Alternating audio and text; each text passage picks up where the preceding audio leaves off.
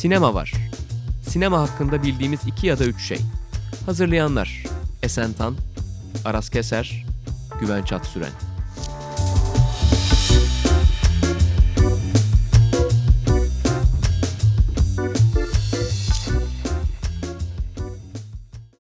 Herkese merhabalar. Sokrates Podcast ve Film Lovers işbirliğiyle hazırlanan Sinemavar'ın yeni bölümünde Sezen Sayınerp aramızda.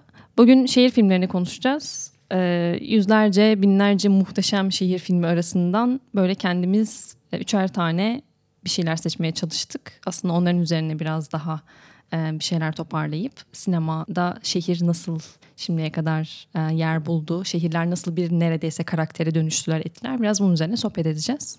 Ben seçkilere girmeden önce hani varsa böyle kafanızda sinema ve şehirle ilgili bir şeyler sizlere top atacağım. Ya aslında şehir olgusu neredeyse sinemanın ortaya çıkmasına paralel olarak anlatıların içinde kendine yer bulan bir şey. Hatta sessiz film döneminde birçok hani şehir filmlerine doğrudan hani belli bir şehrin tanıtımı için veya nasıl diyeyim oradaki hayatı belgelemek için bu tür filmler yapılıyordu. O yüzden hani sinema ve şehir ilişkisinin tarihini burada hani seçtiğimiz 9 film üzerinden özetlemek bir hayli zor olacak. Dolayısıyla hani burada çok seçtiğimiz ve hani bizde o yarattığı şehir veya mekan duygusu üzerinden bizde iz bırakan filmlerden bazılarını seçtik. Ee, ve dediğin gibi hani zaten bunlardan sayısız tane var. Mesela ben 3'e indirirken neredeyse öncesinde bir 23 tane falan çıkarmıştım. Ve yine biraz önce konuştuğumuz gibi sadece içinde yaşadığımız İstanbul filmlerinden bile 9 değil bir 19 tane de oradan çıkar gibi. Dolayısıyla hani bu bir hayli sınırlı bir seçki olacak ve seçkilerinizi de bildiğimiz için çakışan şehirler olmasına rağmen arada ama hep o şehirlere farklı noktalardan bakan filmler o açıdan hani belki daha da zenginleştirici bir sohbet olabilir diyorum. Bir de yani sinema zaten görsel bir araç olduğu için bir toplumu ya da bir dönemi açıklarken haliyle mekanla kurduğu ilişki, görselin, imajların, karakterlerin mekanla kurduğu ilişki birebir e, o bahsettiğimiz ya da o hikayenin içinde bulunan şehirle e, direkt olarak bağlantılı. O yüzden de sinemada şehrin kullanımı o karakterlerin aldığı yolları da e, o dönemi anlatış biçiminde, o dönemi e, başka zamanlarda, başka mekanlarda e, izleyenin gözünde nasıl yansıttığını da bir şekilde karşımıza getirdiği için mekanlarla, haline, şehirlerle kurduğu ilişki sinemanın oldukça önemli ve değerini yitirmeyen bir şeye dönüşüyor. Yani zamansız, mekan, şey olarak mekansız. Hani izlediğin yerden bakınca o şehirle kurduğum bağ hiçbir zaman değişmiyor bir sinema tarihinde yerini aldıktan sonra. O yüzden de hani bu seçkinin bir taraftan sinema açısından o bakımdan da önemli olduğunu düşünüyorum. Hani siz bahsettikten sonra Güvenç'in de dediği gibi bir sürü film içinden, bir sürü şehir içinden düşününce aslında her birinin e, bu düşündüğümüz çoğu filmin çok farklı yerlerde e, durduğunu ve şehir kavramına çok farklı açılardan baktığını da görüyoruz. Bu bakımdan da nasıl bir mekanla, sinemanın mekanla kurduğu zenginliğin ne boyutta olduğunu da görebiliyoruz diyebilirim giriş olarak. Evet gayet güzel aslında sizin söylediklerinize ekstra ekleyebileceğim neredeyse bir şey yok. Yani çok çok hani dediğin gibi güven içinde senin de sinemanın ilk çıktığı yerde zaten tam olarak o şehrin hızı ve hareketliliğini yakalayabilmek için neredeyse işte Lumière kardeşlerin sinematografı e, bir yere koyup konumlandırıp oradaki hareketi kaydetme amacı vardı neredeyse. O yüzden de birebir paralel giden bir şehir tarihiyle, şehirleşmeyle beraber böyle çok birbiriyle alışverişi olan bir şey sinema. O yüzden de birbirinden bağımsız düşünemediğimiz bir şey. Ama günümüze geldiğimizde de binlerce yani neredeyse anlatıyı artık şehrin üzerine kurmaktan da ziyade başka anlatıya e, sahipken bile yine de kentle ilgili, şehirle ilgili inanılmaz e, bir şeyi olan, bize bir yapı sunan filmlerden bahsedebiliyoruz. Aslında seçkileri de ben ilk başta öyle yapmayı düşünüyordum. Yani şehrin böyle çok arka planlarda kaldığı ama aslında ne kadar iyi tasvir edilebildiği filmlerden seçmeyi düşünüyordum. Ama sonra dedim ki onun ucu bucağı yok, sınır yok. Yani sonra biraz daha hani tamamen şehir üzerine kurulu. Biraz daha böyle o bulunduğu mekan üzerine karakterini yapılandıran filmlere yöneldim mesela. Sizin seçkilerinizi de merak ediyorum ama biraz daha böyle bir toparlayabilmek için en azından sıkıştırmış oldum. Yani ben de seçerken birinci dikkat ettiğim şey şehrin hani filmdeki neredeyse bir karakter kadar yer kaplamasıydı. Anlatıya o boyutta yön vermesiydi açıkçası. Hani dediğin gibi şehrin anlatı üzerindeki hani etkisi değil çünkü dediğim gibi aslında neredeyse bir şehir sanatı olduğu için sinema. E, Dolayısıyla yani her filme neredeyse özellikle şehirde geçen yani şehir mekan olarak şehri seçen filmlerin neredeyse hepsinde şehrin bir noktadan etkisi oluyor anlatıyor az ya da çok. Dolayısıyla hani ben seçerken dediğim gibi biraz hani o filmi doğrudan o şehirle birlikte düşündüğüm aklıma ilk çağrıştığı şeyin bir şehir olgusu hani bir şehir ruhu gibi şeyler olması olduğu filmleri seçmeye gayret ettim ama yine bu da bayağı zorlu bir süreçti açıkçası. Diyerek başlayalım mı yavaştan seçkilere? Evet. O zaman ilk sözü konuğumuz Sezen Sayın Alp'e bırakarak filmlerimizden baş- bahsetmeye başlayalım. Ya o demin de hani ikinizin de bahsettiğiniz şehrin akan e, ve hani süre giden yapısına sinemanın e, bir kayıt aracı olarak durduğu anda ben genelde hani filmlerimi seçerken şeyi düşündüm. Bir aitlik duygusuna, karaktere nasıl etkiler e, o şehrin yapısı ya da biz izlerken o şehri nasıl algılarız o karakterin yapısıyla beraber. O yüzden üç filmi de aşağı yukarı o aitlik duygusu üzerinden seçtim. En e, aslında böyle hani ters köşe gibi bir şey olabilir belki. Şehrin adı geçmeyen bir şehir filmiyle başlamak istiyorum ben. Bandon'un ziyareti. Ben's Visit. E, bir Kurhat Tizmoret orijinal adı. Böyle okunuyordur diye umuyorum. Eren Koleri'nin bir filmi ve şöyle bir durumu var şehirle ilgili filmin. Adı üstünde Bando bir şehre e, konser vermeye geliyor. Bir e, Mısır kadrosu bu. Bir ban- yani devlet bandosu ve e, İsrail'de bir şehre geliyor. Bu şehir filmde e, bir hayali şehir olarak yani hani gerçekte olmayan bir şehir olarak geçiyor. Yani filmin lokas- lokasyonları gerçek lokasyonlar ama bir karışıklıktan ötürü onları karşılamaya gelen bir yetkilinin olmamasından ötürü kendi kendilerine yollarını bulmaya çalışan ve o şehri bulmaya çalışan bando farklı bir şehre gidiyor. Tam böyle isim benzerliğinden dolayı aslında farklı bir şehre gidiyor. İki şehrin de adları birbirine çok Ba- Bat Atfika gibi bir ismi var. Sınır şehri tam. Bundan sonra aslında hikaye nereye ait olduğumuz ve sınırların nerede başlayıp nerede bittiği, bir şehrin gerçekte neden var olduğu ya da e, filmde de hatta sonrasında uyarlanan müzikalde de öyle geçiyor. Hani Nowhere hiçbir yere ait olmayan bir şehir, hiçbir yerde olmayan bir şehir, hayalet şehir e, diyebileceğimiz bir yere doğru gidiyor. Çünkü o şehrin insanları var e, bir şekilde geçmişten bugüne getirdikleri değerleri ve oraya kendilerine ait hissederek kurdukları bir dünya var ama görüp baktığımızda tanınan e, ya da bilinen bir e, toprak yok orada öyle bir sınır yok, öyle bir şehir yok. Sadece içlerinde yaşayan insanların e, bir şekilde zihinlerinde oluşturdukları bir dünya var.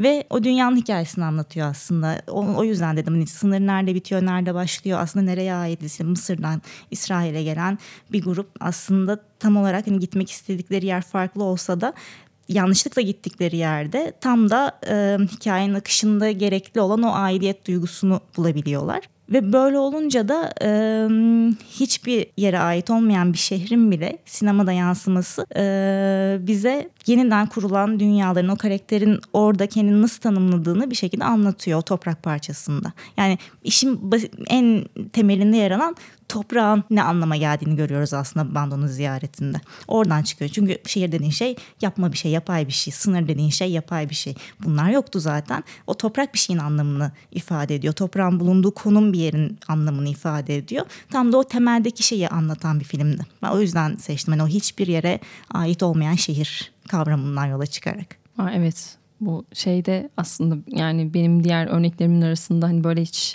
olmayan bir şehir üzerine kurulu bir film yoktu mesela gayet şey e, tam da şehir üzerine düşünürken ve sinemanın varlığı da üzerine de düşündüğünüzde aslında çok tutarlı ve Evet ben de öyle. Şimdi filmi de tekrar düşününce dedim çok Evet. iyi bir seçim. Çünkü ben mesela çok sen de öyle biliyor, bildiğim için seçkini söylüyorum.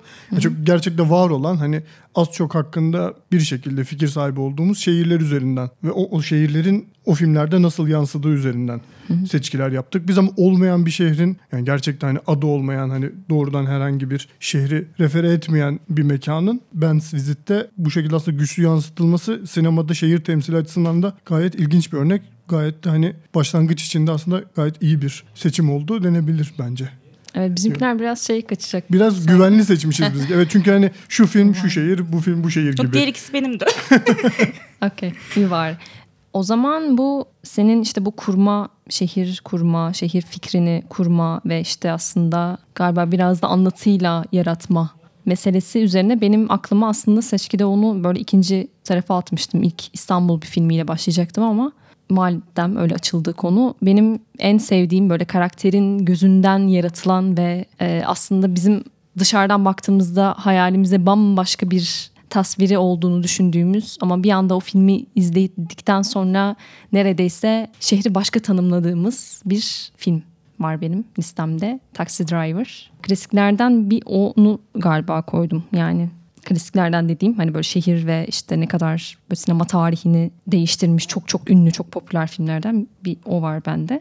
Yani tam olarak aslında senin az önce bahsettiğin şeyi böyle bir şeyden alıp tamamıyla subjektif bir bakış açısını bakış açısıyla nasıl yeniden var olan herkesin başka şekilde bildiği ve konumlandırdığı bir şeyi nasıl yeniden yaratır bir film. Aslında onu çok güzel gösteriyor bence. Hani karakterin derinliğinden ya da işte taksi o Travis Bickle'ın e, nasıl bir karakter olduğunu bir yana koyup onun gözünden New York nasıl yaratılıyor? O gecelerin işte New York gecelerinin ve işte o sokakların oradaki e, insanların yeniden tasviri nasıl yaratılıyor üzerine bence sinema tarihindeki en en en başarılı örneklerden bir tanesi. Çünkü kendi yaşadığı o işte savaş sonrası travmaların, o Amerika'nın çözülme zamanının, her şeyin her şeyin böyle etkisi tam olarak onun gözünden neredeyse tüm şehre böyle çamur gibi atılmış bir şey e, anlatı yaratıyor yeniden. Ve biz hani şimdiye kadar hani çocukluğumda ben Taxi Driver'ı izlediğim zamana kadar New York'a hep böyle inanılmaz muhteşem. İşte herkesin çok eğlendiği herkesin çok mutlu olduğu işte çok görkemli şahane bir yer olarak biliyordum. Filmlerden hep öyle tanımıştım. Ve tabii ki daha önce hiç gitmediğim için de hani kafamızda hep öyle bir şey var. Çok görkemli bir şehir orası gibi bir şey var. Taxi Driver'da o bir anda her şey tuzla buz oldu gibi neredeyse. O şehirle ilgili her şey yerli yaksan böyle kırıldı, döküldü, paramparça oldu. O yüzden de o bildiğimiz her şeyi yeniden kuran, şehrin tasvirini de yeniden oluşturan bir film olduğu için Taxi Driver'ı seçmiştim.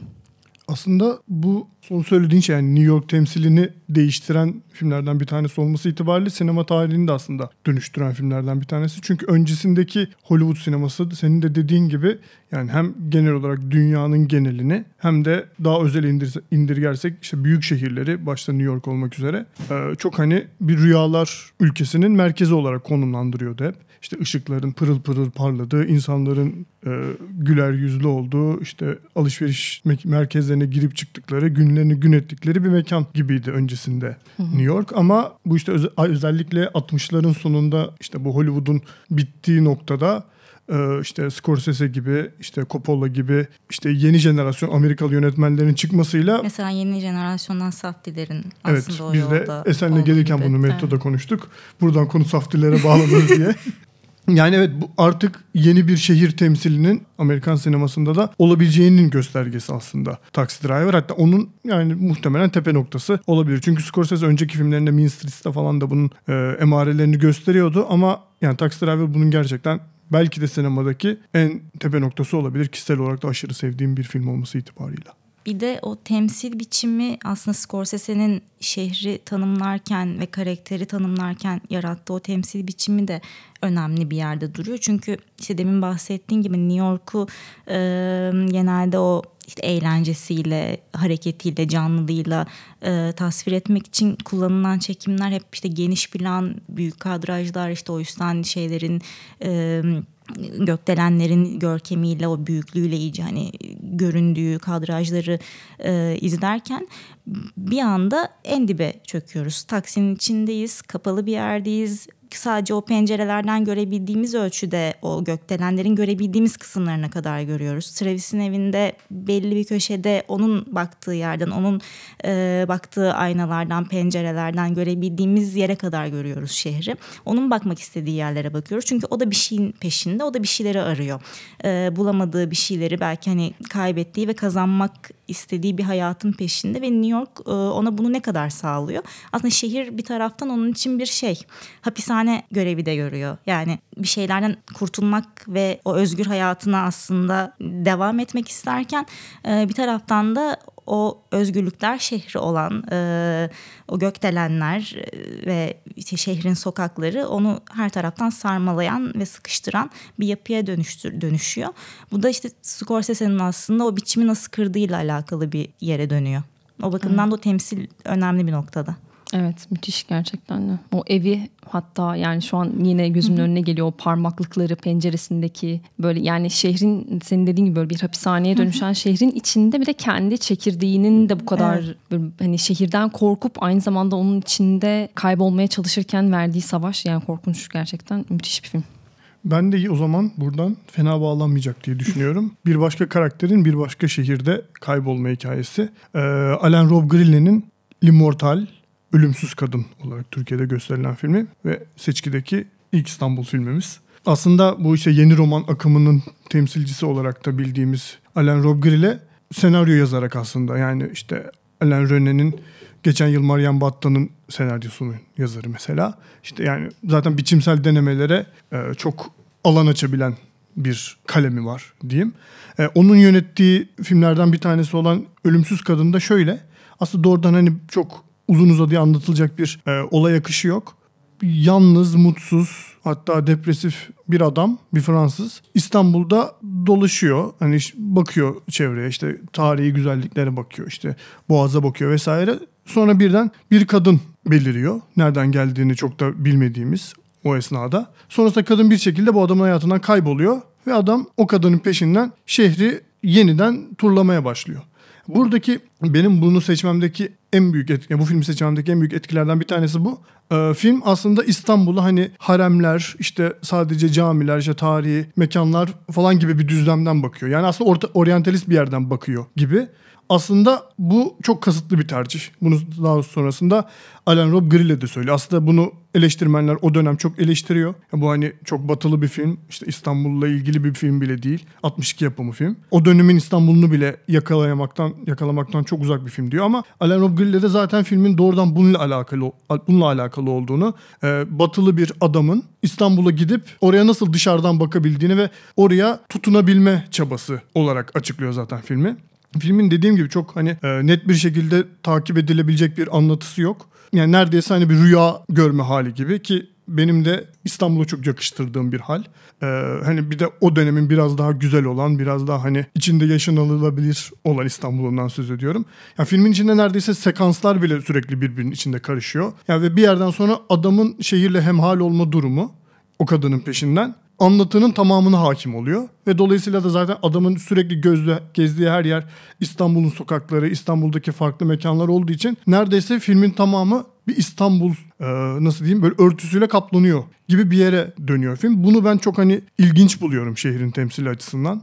Özellikle orayı bilmeyen, doğrudan orada yaşamayan, hani orada büyümemiş, orayı çok doğrudan günlük hayatını çok yakından tanımayan bir yaratıcı aklın başka bir şehri yine kendisi gibi oraya dışarıdan gelen bir karakter üzerinden anlatıyor olmasını çok kıymetli buluyorum ve hani bunu da İstanbul dediğimiz hani ne batılı olabilmiş ne doğulu olabilmiş hani yer yer mistik bir havası olduğunu söyleyebileceğimiz bir şehir üzerinden yapıyor olması çok kıymetli. Bununla ilgili hani daha trivia bilgiler de var. Mesela filmde e, Ömer Lütfü Akat çalışıyor. Yani yardımcı oluyor buradaki çekimde. Zaten tamam burada çekiliyor da hani çekimlerde dediğim gibi görev oluyor, yardımcı oluyor. Hani neredeyse yardımcı yönetmen denmez muhtemelen o anki pozisyon itibariyle ama yani kadroda yer aldığını söyleyebiliriz. Yani film aslında biçimsel olarak da ilginç. Hani neredeyse kamera hiç hareket etmiyor. Yani hiç hareket hareket etmeyen bir kamerayla bu kadar akışkan hani böyle neredeyse atmosferde süzülebilen bir film çekmek de gerçekten çok zor ve çok kıymetli buluyorum bu açıdan filmi. Bir taraftan da şey gibi sanki hani o dışarıdan bir gözün şehri e, görmesi tanımlaması dedin ya. Aslında şehirler oldukları yerde geçmişten kuruldukları günlerden bugüne yaşamlarını e, bir şekilde sürdüren mekanlar. Ama bu mekanları tanımlayan şey içinde yaşayan ya da bir şekilde gelip geçen insanlar. Haliyle bu, o sokaklar, o evler, işte o şehrin yapısı senin gördüğün ölçüde, senin yaşayabildiğin ölçüde biçimleniyor. Sen neyi ne kadar yaşıyorsan, nasıl görmek istiyorsan o sokakları, hangi anıları bırakıyorsan orada ya da neler alıyorsan oradan e, şehir bir taraftan tanımını ona göre yeniden kuruyor. Belki de hani bu her herkese göre değişen bir şehir kavramının olduğunu ortaya çıkarıyor. İstanbul'da yaşıyoruz evet ama benim İstanbul'umla senin İstanbul'un hangi noktada duruyor ya da hangi noktalardan kesişiyor? Senin yaşadığın anılar ne? Benim yaşadığım anılar ne? Hangi alana sahibiz aslında burada? İstanbul bize ne veriyor da biz ona ne verdik ve haliyle nasıl bir şehir ortaya çıkardık? Herkesin şehri, şehir algısı bir taraftan da kişiden kişiye değişiyor. Haliyle bir dışarıdan bir gözün bakması da e, bu yönden önemli bir noktada. E, bana biraz şeyi anımsattı. Yani tabii ki birebir ilgili değil ama bu hani bir flanörlükten de yola çıkarsak eğer geçen senelerde tam olarak unuttum 2016 olabilir yanlış hatırlamıyorsam. E, Masumiyet Müzesi'nin belgeseli yapılmıştı ya. O belgeselde mesela hani kitapta da bahsedilen karakterin o mekanlardan duyduğu anıları tekrar yaratması ve hani aslında yapay bir anı ya o e, yaşamamış insanların hiç yaşamayan anılarını gerçekmiş gibi sunan bir şey. E, kurgu yani tamamen. E, ve o kurgunun yarattığı bir şehir temsili de var haliyle zaten şeyi burada alameti farkısı da burada belgeselde onun üzerine gidiyordu mesela. Hani dışarıdan bir gözün tam da öyle bir taraftan da şey kurgu bir gözün aslında. E, İstanbul'u nasıl tanımladığı ile ilgili de Çukur Cuma'yı nasıl görüyorsun? Temel soru o. o. Oradan geri dönüp baktığında o sokakları tanımlayan şeyin o sokaklarla kurduğun bağ olduğunu görüyorsun bu sorunun cevabı olarak. Tam da o bahsettiğin şey. Sen neyi yaşıyorsan, e, neyi alıyorsan, neyi veriyorsan o şehirle ilgili. Tam da şehir aslında e, bunu, buna dönüşüyor. Ben şeyden senin e, taksi driver'ından sonra aslında konuyu New York'tan çok ayırmadan tekrar New York'a dönmek istiyorum kısa bir süreliğine. Benim diğer filmim Do the Right Thing. New York'un yapısını düşündüğümüzde mesela Taxi Driver tam bir Manhattan filmi aslında. Manhattan'ın arka sokakları filmi ve işte o sıkışmışlık hissini zaten bizim sinemada gördüğümüz New York'un tam o Manhattan manzarası e, olmasının e, bir şekilde örtüşen bir film. Onu tam tersi kıran bir film.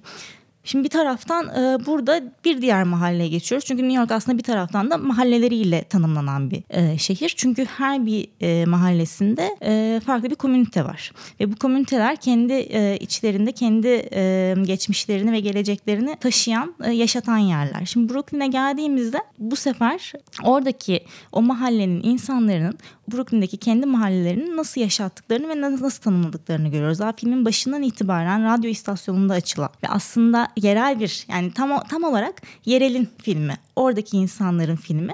E, hale bu yereli verirken işte radyo istasyonunu kullanıyor. E, şehrin e, mahallenin en e, bilindik pizzacısını kullanıyor. Mahalle insanlarını birbirleriyle kaynaştırıyor. E, oralardan kavgalar, ayrılıklar ve bir takım kendi aralarındaki ilişkilerin e, aslında mahallenin sokaklarıyla birlikte nasıl bir e, iletişim içinde olduğunu yani konuşan şehrin, konuşan mahallenin kendi insanlarına, kendi e, vatandaşlarına, mahalle insanlarına nasıl etki ettiğini gösteren e, bir şeye dönüşüyor.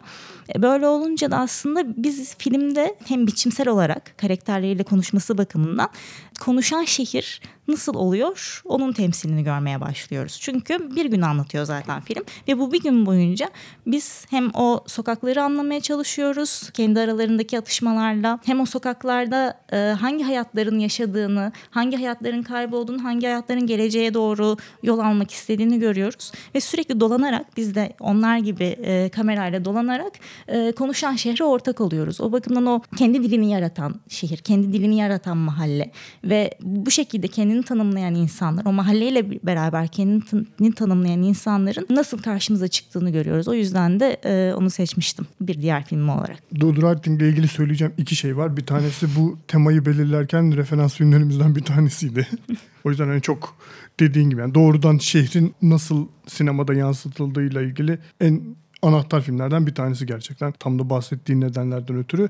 Diğeri de yani şehrin olduğu yani şehrin o ruhunun yanında fiziksel etkisini de mükemmel bir şekilde yaratabilen yani sanırım Beyaz Perde'de görebileceğimiz en sıcak evet. filmlerden bir tanesi. Bu da Spike Lee'nin etkisiyle aslında. Evet. Çünkü Evet. kendi bildiği mahalleyi ve kendi yetiştiği mahalleyi anlatırken tam olarak o dilden bahsediyor. Evet. O Yani bakımdan o sıcak sıcaklık derken ben hava sıcaklığından bahsediyorum. o direkt atmosfere de yayılıyor. Ya ama bu biraz da şey bir şeydir de bir yandan da. Spike Lee'nin bence dehası bu. Yani o kadar içinde olduğu bir meseleye e, yani film çekiyorsanız ya da ne bileyim bir konuyla ilgili analiz yapmanız gerekiyor aslında. Film çekmek öyle bir şey ya bir yandan da bir mesafe de korumak gerekiyor bazen. Ya o kadar içinde olduğumuz bir şeyi bu kadar güzel ve tutarlı bir şekilde deşifre edebilmek bence yönetmenin dehası gibi bir şey neredeyse. O yüzden sonsuz saygı ve yeniden şeyle e, anıyoruz. Spike buradan selam gönderiyoruz gibi oldu. O halde ben hmm, şimdi evet New York üzerinden gittik. Ben yeniden o zaman İstanbul'a döneyim. Dön bakalım. Benim İstanbul filmleri arasında sevdiğim gerçekten çok fazla film var. Ee, bence çok enteresan bir şehir çünkü ve hani film çekildiği zaman da çok yani çok şey bir mekan, filmik bir mekan zaten. Çok sinematik bir mekan bence İstanbul. O yüzden de gerçekten iyi işler çıkıyor genellikle. Ee, ilk başta şey diye düşünüyordum. Bunu araya sor- lütfen sokayım. Ee, Aslı Özge'nin Köprüdekilerini aslında ben burada e, paylaşmak istiyordum. Çünkü çok hayran olduğum bir filmdir. Gene de sokulabilir. Eğer böyle 10. bir film taşlandırmak istiyorsak yine olabilir ama e, sonra Köprüdekileri düşündükten sonra onun aslında neredeyse evet atası olan ve bizim çok geç keşfettiğimiz Hatta tam Maalesef. olarak keşfedebildiğimiz bile denebilir Evet an. hala keşfedemediğimiz ama duyduğum kadarıyla Ayvalık'ta bu yıl gösterilecek olan bir film. Bir, birkaç ay önce Fol Sinema Toplu Fol Sinema Fol. Topluluğu'nun Pera Müzesi'nde Evet. gösterimini yaptığı Merlin Solakalı şehir filminden bahsediyoruz Evet bu ben arada. hala Adını ge- söylemedim. teşekkür ederim söylediğiniz E, film Merlin Solakalı'nın katılımıyla önümüzdeki günlerde gerçekleştirecek Ayvalık Film Festivali'nde de gösterilecek. Hani ya şu an hani ulaşılması neredeyse mümkün olmayan bir film Evet ama maalesef ki. Bir önceki filme tekerleme gibi Bir sonraki aslında. aslında. Bir sonraki pardon. evet aynen Evet öyle. yani tekerlemenin aslında tekerlemenin de öncülü gibi film şehir. Evet, Lafını bölmüş gibi müthiş oldum, lütfen bir devam film. et. Bu arada yani şu anda izleyemeyebiliyor biliyor olabilirsiniz ama bir şekilde bence o yani buradan tüm şeylere, dijital platformlara, tüm sinema salonlarına sesleniyorum. Tüm müzelere. Lütfen ve lütfen Merlin Solakan'ı e, Keşfedin. Şey yapalım ya yani keşfedildi ve hani bilen zümreler şeyler biliyor zaten ama yani inanılmaz bir İstanbul retrospektifi neredeyse şu anda günümüzden baktığımızda. Çünkü artık erişemeyeceğimiz kayıtları tutmuş gibi neredeyse. Şehir 1983 yılında çekilmiş bir film. Tekerlemeyle aslında öyle şöyle başlayalım. Şimdi Merlin Solaka'nın 30 yıl sonra bir filmi gösterildi İstanbul'da. Ee, Tekerleme isminde. Bu filmi kendisi işte 30 yıl önce 86 yılında olması lazım. Berlin'de işte gör, sinema eğitimi görürken Türkiye'ye gelmiş ve bir test çalışması için burada filmini çekmiş ve sonra tekrar Berlin'e geri dönmüş Merlin Solakan. Ve sonra bir daha biz o filmi duymadık, etmedik. 30 yıl sonra sevgili Burak Çevik sağ olsun onu keşfetti, kazıdı, bir yerlerden çıkarttı ve filmi e, Türkiye'de festival kapsamında gösterildi. İF İstanbul'da İF gösterilmiş. İstanbul'da olması lazım evet. Sonrasında zaten büyük bir patlama oldu. Yani bu işte 30 yıldır biz bu filmi nasıl bilmiyorduk, etmiyorduk falan filan konuşmaları, tartışmaları yapıldı. Ondan sonra da Merlin Solakan'ın diğer filmleri de çıkmaya başladı. İşte bir şekilde ulaştık ettik. Şehirde bunlardan bir tanesi aslında tekerlemenin ki şu anda tekerlemeyi izleyebilirsiniz. YouTube'da var hatta. Yani erişimi sınırsız.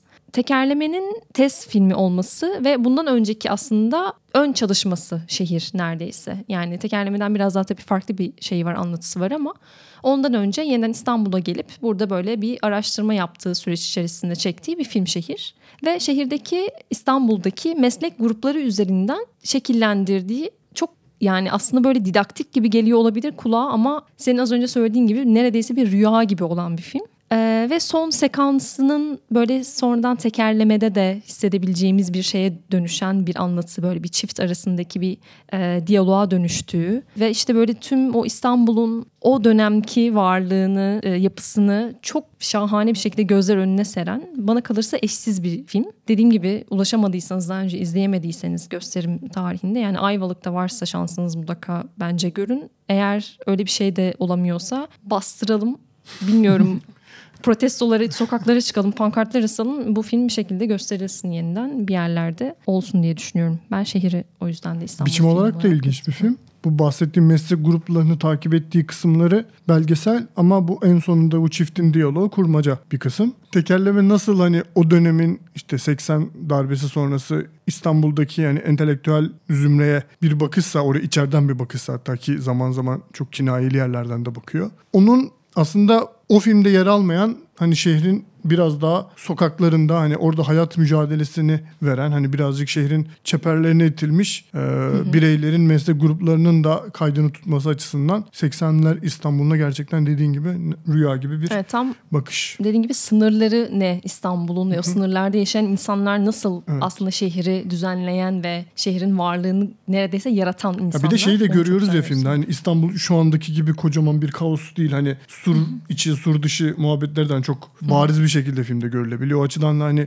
İstanbul'un tarihini tutması açısından da o dönem çekilmiş bu kadar kıymetli bir ya bir, bir yandan da belge film olduğu için Evet. yani çok o kadar kıymetli bir iş var mı o dönemden kalan? En azından benim aklıma gelen yok diyebiliriz. Genelde Çünkü yani bir yerlerde artık böyle şey e, raflarda tozlanıyor herhalde o filmler. Ya çünkü ulaşamıyoruz onlara. O dönem şeydi hani Yeşilçam'ın da etkisini yitirdiği için 80'lerde yani o dönemin İstanbul'u şey gibi hani atıyorum Vesikalı Yarim'de ve- vesaire olduğu gibi bir kaydı tutma durumu da yok aslında. O açıdan bayağı kıymetli. Çünkü tam hani büyümenin, şehirleşmenin arifesindeki bir İstanbul'dan bahsediyoruz. Hani artık göçler alınmış. Bazı insanlar şehrin bazı yerlerine yerleşmiş, orada yaşamak, hani orada yeni orada kendi yaşamlarını kuruyorlar artık, kurmaya başlamışlar. Kendi meslek gruplarını bulmuşlar şehrin e, dışındaki kısımlarında. Dolayısıyla hani o açıdan çok kıymetli gerçekten. Şehrin arka sokakları falan çeperleri demişken ben de oradan bağlamak istiyorum sonraki filmimi izninizle. 2002 yapımı Tanrı Kent, City of God. Ee, Fernando Meirelles ve Katia Lund'un birlikte yönettikleri film ki aslında sıklıkla sadece Fernando Meirelles yönetmiş gibi anılır. Aslında bir kadın yönetmenle birlikte yönettiği, çektiği bir film. Hani bu geçenlerde seninle konuşmuştuk ya bu sinema tarihinde böyle bir film, böyle filmler var gerçekten. Hani bir kadın ve bir erkek yönetmenin birlikte çektiği ama sadece nedense erkek yönetmene atfedilmiş. Sanki mesela bunun en büyük örneklerinden bir tanesi Bellatar'ın Torino Attı filmi de öyle falan gibi deyip bu konuyu da hani yeri gelmişken yaraya parmak basıp filmden bahsetmek istiyorum kısaca. Film aslında bahsettiğimiz gibi Rio'nun arka sokaklarının tam olarak nasıl bir şey olduğunu, nasıl bir vahşet, nasıl bir tempo, nasıl bir koşturmaca olduğuna dair e, bir film. Rio'nun arka sokak, favela olarak bildiğimiz arka sokaklarındaki çetelerin e, nasıl oradaki çeteleşmenin işlediğini çok farklı iki karakter üzerinden birbirinden çok farklı özellikler gösteren iki karakter üzerinden işliyor. Ya, filmin en büyük alameti farikası bence bu. Yani müthiş bir kurgu filmi. Çok hızlı, çok ritmik, çok sık kesmeli bir film var. Bunun da tam olarak şuna hizmet ettiğini düşünüyorum ki oradaki hayatta kalma mücadelesi, e, yani bu bahsettiğimiz favelalardaki hayatta kalma mücadelesinin yani nasıl anlara bağlı olduğu, nasıl hani ne an ne yaptığına bağlı olduğu, en ufak bir tercihin bile belki hayatının sona ermesiyle sonuçlanabileceği gibi bir durumun sinematik karşılığını çok güçlü bir şekilde bulduğunu düşünüyorum Tanrı Kent'in. Evet yani tam da aslında şehrin o senin bahsettiğin karmaşası ve işte o hızı o bitmek bilmeyen kaosuna hizmet eden de bir biçimi var filmin. Benim hatırladığım kadarıyla çok da böyle taze izlemedim filmi. Neredeyse gençken diyeyim artık kendi yaşımı belli ederek. Ee, oldukça genç bir yaşta izlemiştim en son. Ama evet bayağı hızlı bir filmdi öyle hatırlıyorum ben de. O halde Sezen'e buradan tekrar topu atalım. Benim son filmim Antonioni'nin Blow-Up'ı. Şehirleri böyle kafamda düşünürken şey gibi o otellerdeki saatler gibi hani böyle belli başlı şehirler bir yanar ya önce. Direkt Londra deyince aklıma gelen ilk film yani muhakkak tabii ki daha e, farklı temsilleri da, tamamen e, şehirle alakalı daha farklı filmleri de vardır ama hani Up direkt böyle zihinde yanan bir film gibi geliyor. Filme baktığımızda aslında e, şehirden ziyade bir taraftan hani şehirle evet bir bağı var ama şehirden ziyade başrolündeki fotoğrafçı karakterin e, ne umduğu, ne bulduğu e, ve ne aradığı üzerine giden bir film.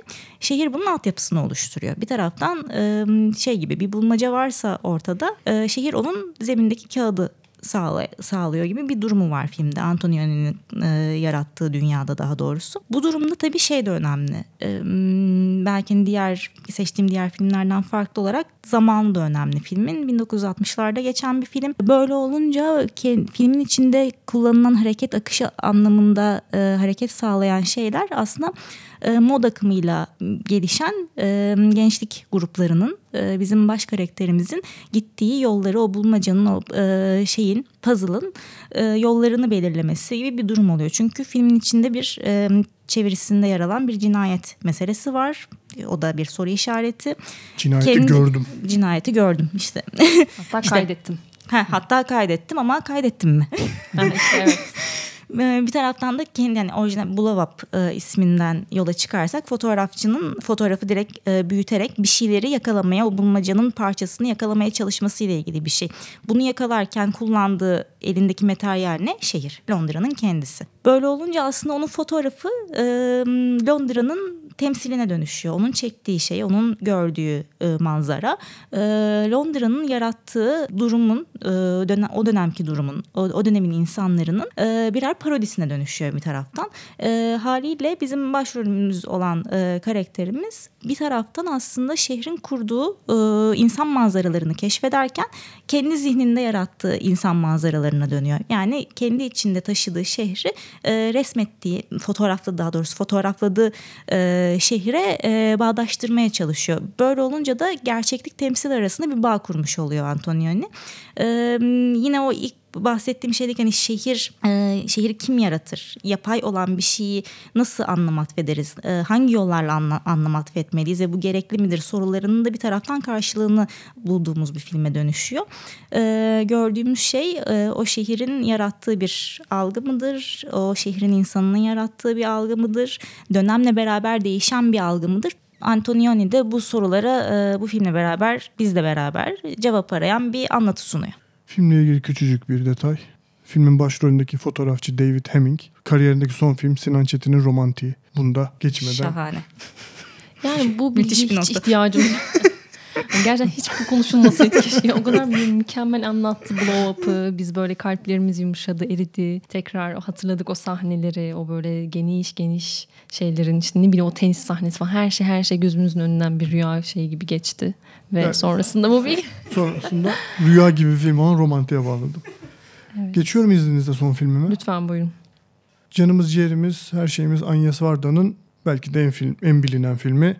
İngilizcesini söyleyeceğim çünkü Fransızcasını bilmiyorum. Sayıların nasıl okunduğunu.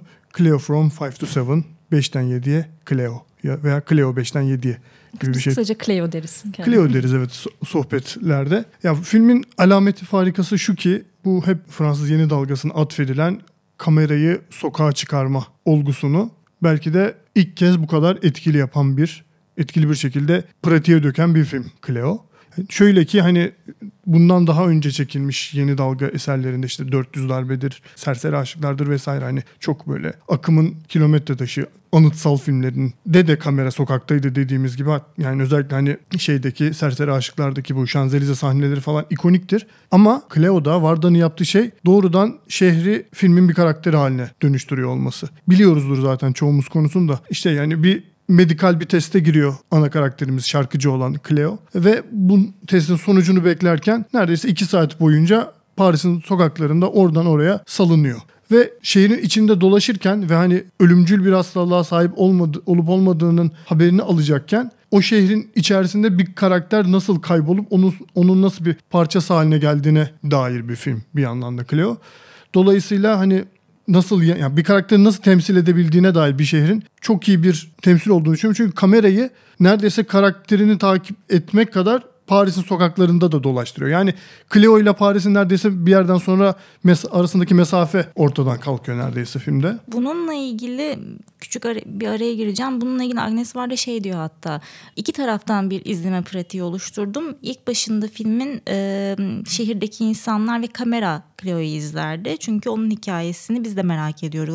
Yani neredeyse gerçek zamanlı olan iki saat nasıl akıyor biz de merak ediyoruz. Ama bir yerden sonra Cleo artık bunu kırmak ister. E, ve izlenme rolünü atmak ister kendisinden ve bir aynaya sokakta bir aynaya bakma sahnesi vardır.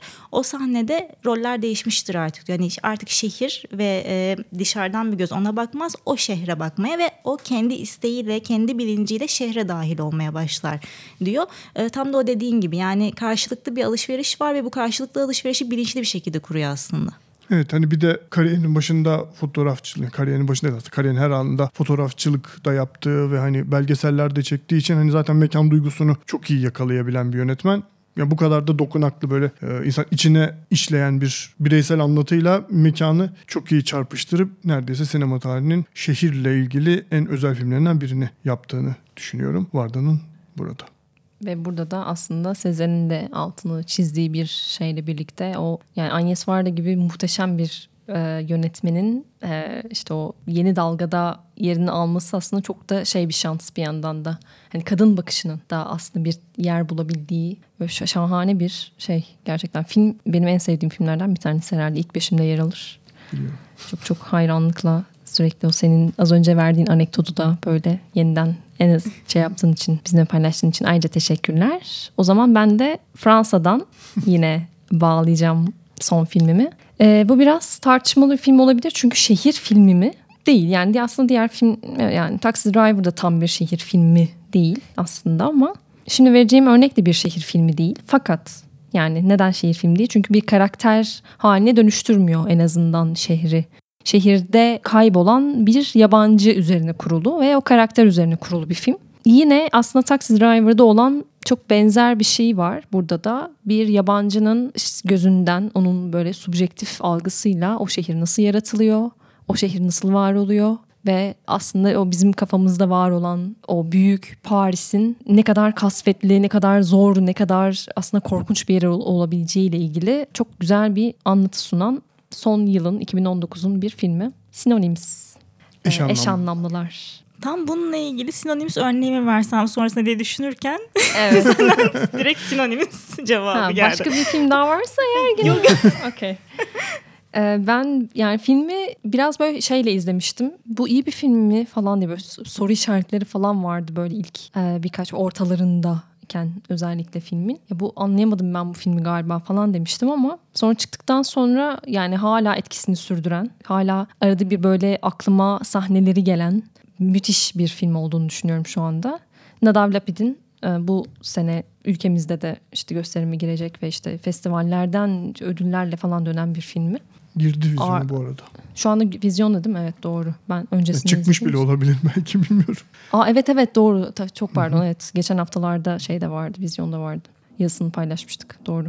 Ee, şöyle ben Synonyms'i neden şehir filmi olarak özellikle tercih ediyorum? Şu nedenden dolayı aslında bir karakterin oraya ait olmayan bir karakterin e, bambaşka bir yerden Orta Doğu'nun bir ülkesinden oraya kaçarak neredeyse işte ben artık buraya ait olacağım diliyle işte tüm o milli duygularıyla her şeyiyle ben yeniden burada bir kimlik yaratacağım aslında deyip gelip yeniden ait olamadığı orada sıkışıp kaldığı bir film ve onu da çok güzel bir şeyle veriyor aslında bir yandan da.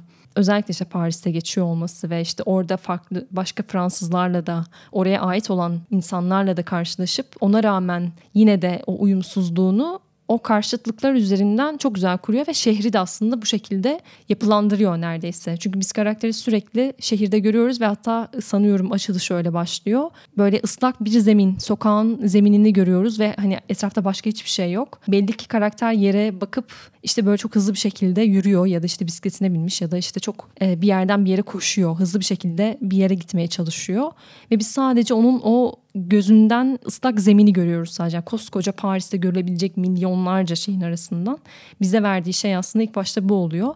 Sonrasında da yine yani o hani ara sokakları, karanlık yerleri falan filan değil ama o karakterin gezdiği yerlerde o yabancılık hissini, oraya ait olmama hissini verebileceği en iyi yerlere bizi sokuyor yine. Ve o buluşturduğu işte dediğim gibi diğer Fransızlarla buluştuğu noktalar, e, onlarla konuştuğu diyalogların hepsi hepsi hepsi aslında Paris'in bir yabancıyı nasıl kendisinin içinden atmaya çalıştığı ile ilgili çok iyi doneler veriyor diye düşünüyorum. İzlediyseniz sizin de Ya fikirlerinizi ben, almak isterim. ben tam olarak aynı şeyi söyleyecektim. Lafını öyle bitirdin. Şu açıdan filmin şehir temsili çok ilginç bence.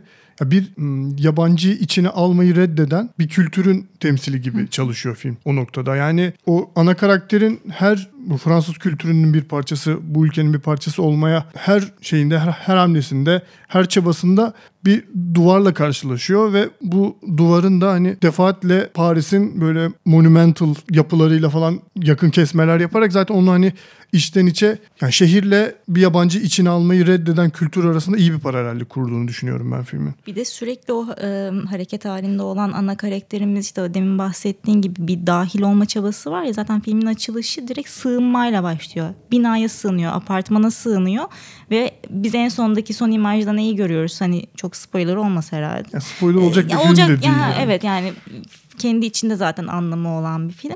E, son imajda ne görüyoruz? O kapılar tekrar yüzlere kapanıyor. Hani o sığındığı yer tekrar kap- e, yüzüne kapanarak aslında o demin de bahsettiğimiz onu dışarı atma hissini veriyor. Bir de şöyle bir şey tamamen işte e, dil e, ile kurulan ilişkiyle ilgili mekanın yarattığı dil hafızası direkt filmde gördüğümüz bir şey aslında. Kendi dilini, kendi mekanını geride bırakarak, e, üzerini kapatarak başka bir hafızaya dahil olma, başka bir e, hafızayı kendini dahil ederek yaratma durumu var ve işte bu e, mümkün oluyor mu, olamıyor mu tamamen bununla beraber akan bir hikaye de var onun yanında.